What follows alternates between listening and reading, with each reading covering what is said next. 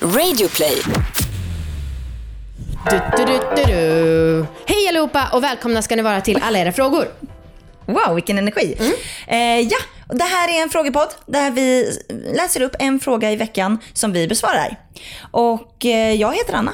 Och Amanda heter jag. Vad kul. Jag ska läsa upp dagens fråga. Hej. Min pojkvän har i sin tidigare relation prenumererat på liggboxen och har därför en del saker kvar. Nu ett halvår in i vårt förhållande gick han igenom sakerna när vi städade och då var det en del använda grejer som jag bad honom slänga.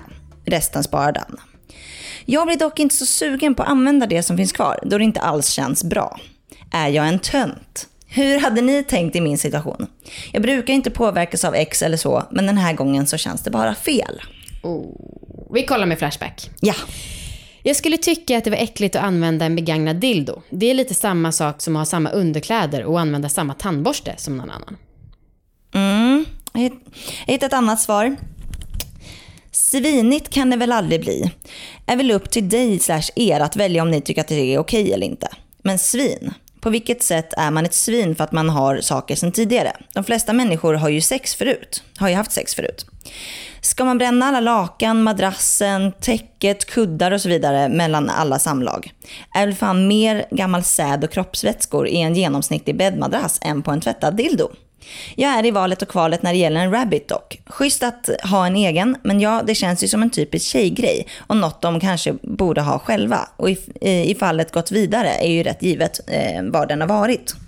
Köper man lite dyrare grejer i material som inte är porösa och tål mer grundläggande rengöring så borde det vara mer okej. Två till tre jellygrejer för 50-100 kronor styck är väl inte hela världen att slänga bort. Värre om det är 10-15 grejer för 500 kronor. Eh, Ja, jo. Ja. En fågel i handen är bättre än tio i skogen. Eller tvärtom. Eh, sista svaret från internet då. För några veckor sedan satt jag vid datorn och min flickvän som precis varit inne på toaletten kom in i sovrummet. I handen höll hon en flaska Unzip and Slide, vilket är en glidmedelsflaska som jag köpte med min gamla flickvän. Och ja, det kändes som att jag hade sex med mitt ex igen på grund av den starka mangodoften. Efteråt väntade jag bara på hennes fråga om var flaskan kom ifrån. Men än har hon inte frågat. Hon kanske gillar det för mycket. Okej, vårt svar.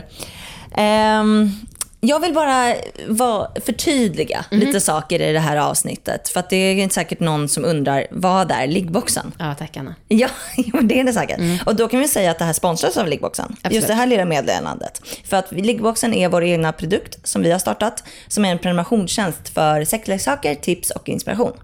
Man får, alltså, man får hem en box varannan månad som är liksom full av sexleksaker. Och eh, den här boxen kostar 499 kronor per gång, alltså varannan månad. Eh, och jag tror inte att vi har en enda missnöjd kund. Otroligt. För då kan man ju faktiskt avprenumerera. Ja, och man Om man kan ju också skicka tillbaka Men- grejerna om de inte är använda. Ja, nej men det stämmer. Ehm, så att jag vill bara säga det. Nu vet folk vad liggboxen är. Ah. Så att frågan blir tydlig. Och eh, det skickades ju en box förra veckan. Eh, som innehåller en produkt som är liksom en vulvavibrator. Helt otrolig är den. Jag skulle våga säga att eh, de som inte har fått orgasmen bör testa den här. För att jag tycker att den också, som vissa andra produkter utlovar, är orgasmgaranti på. Wow.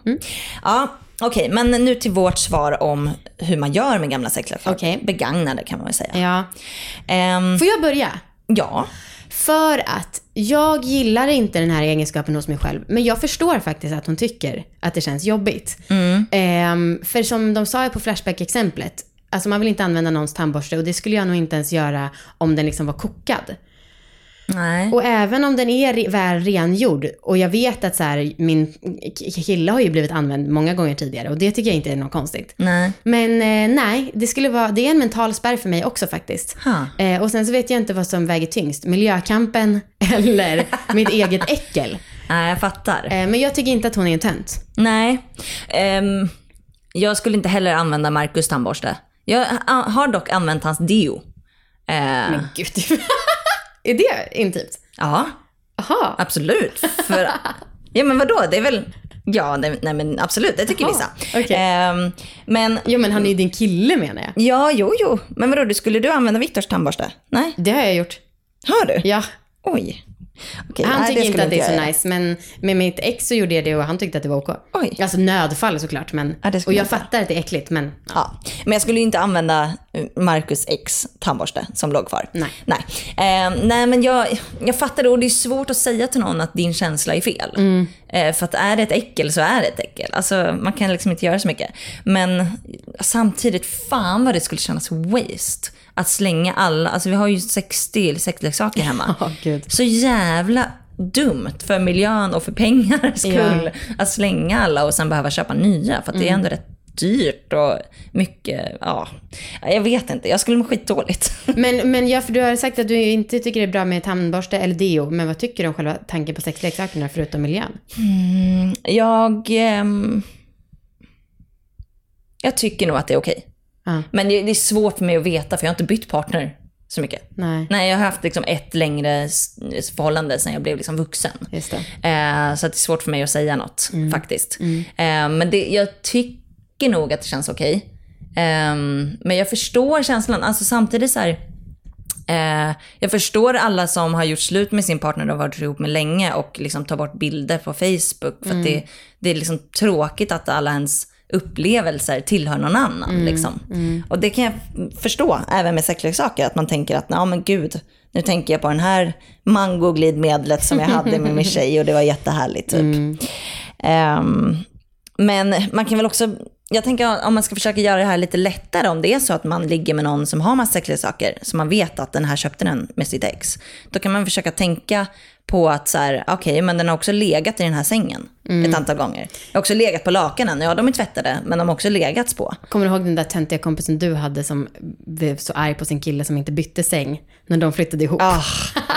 Super. Då är man en tönt. Ja, men också, alltså, ja, för då går det inte, då måste man ju ligga med en oskuld. Ja, verkligen. Ja.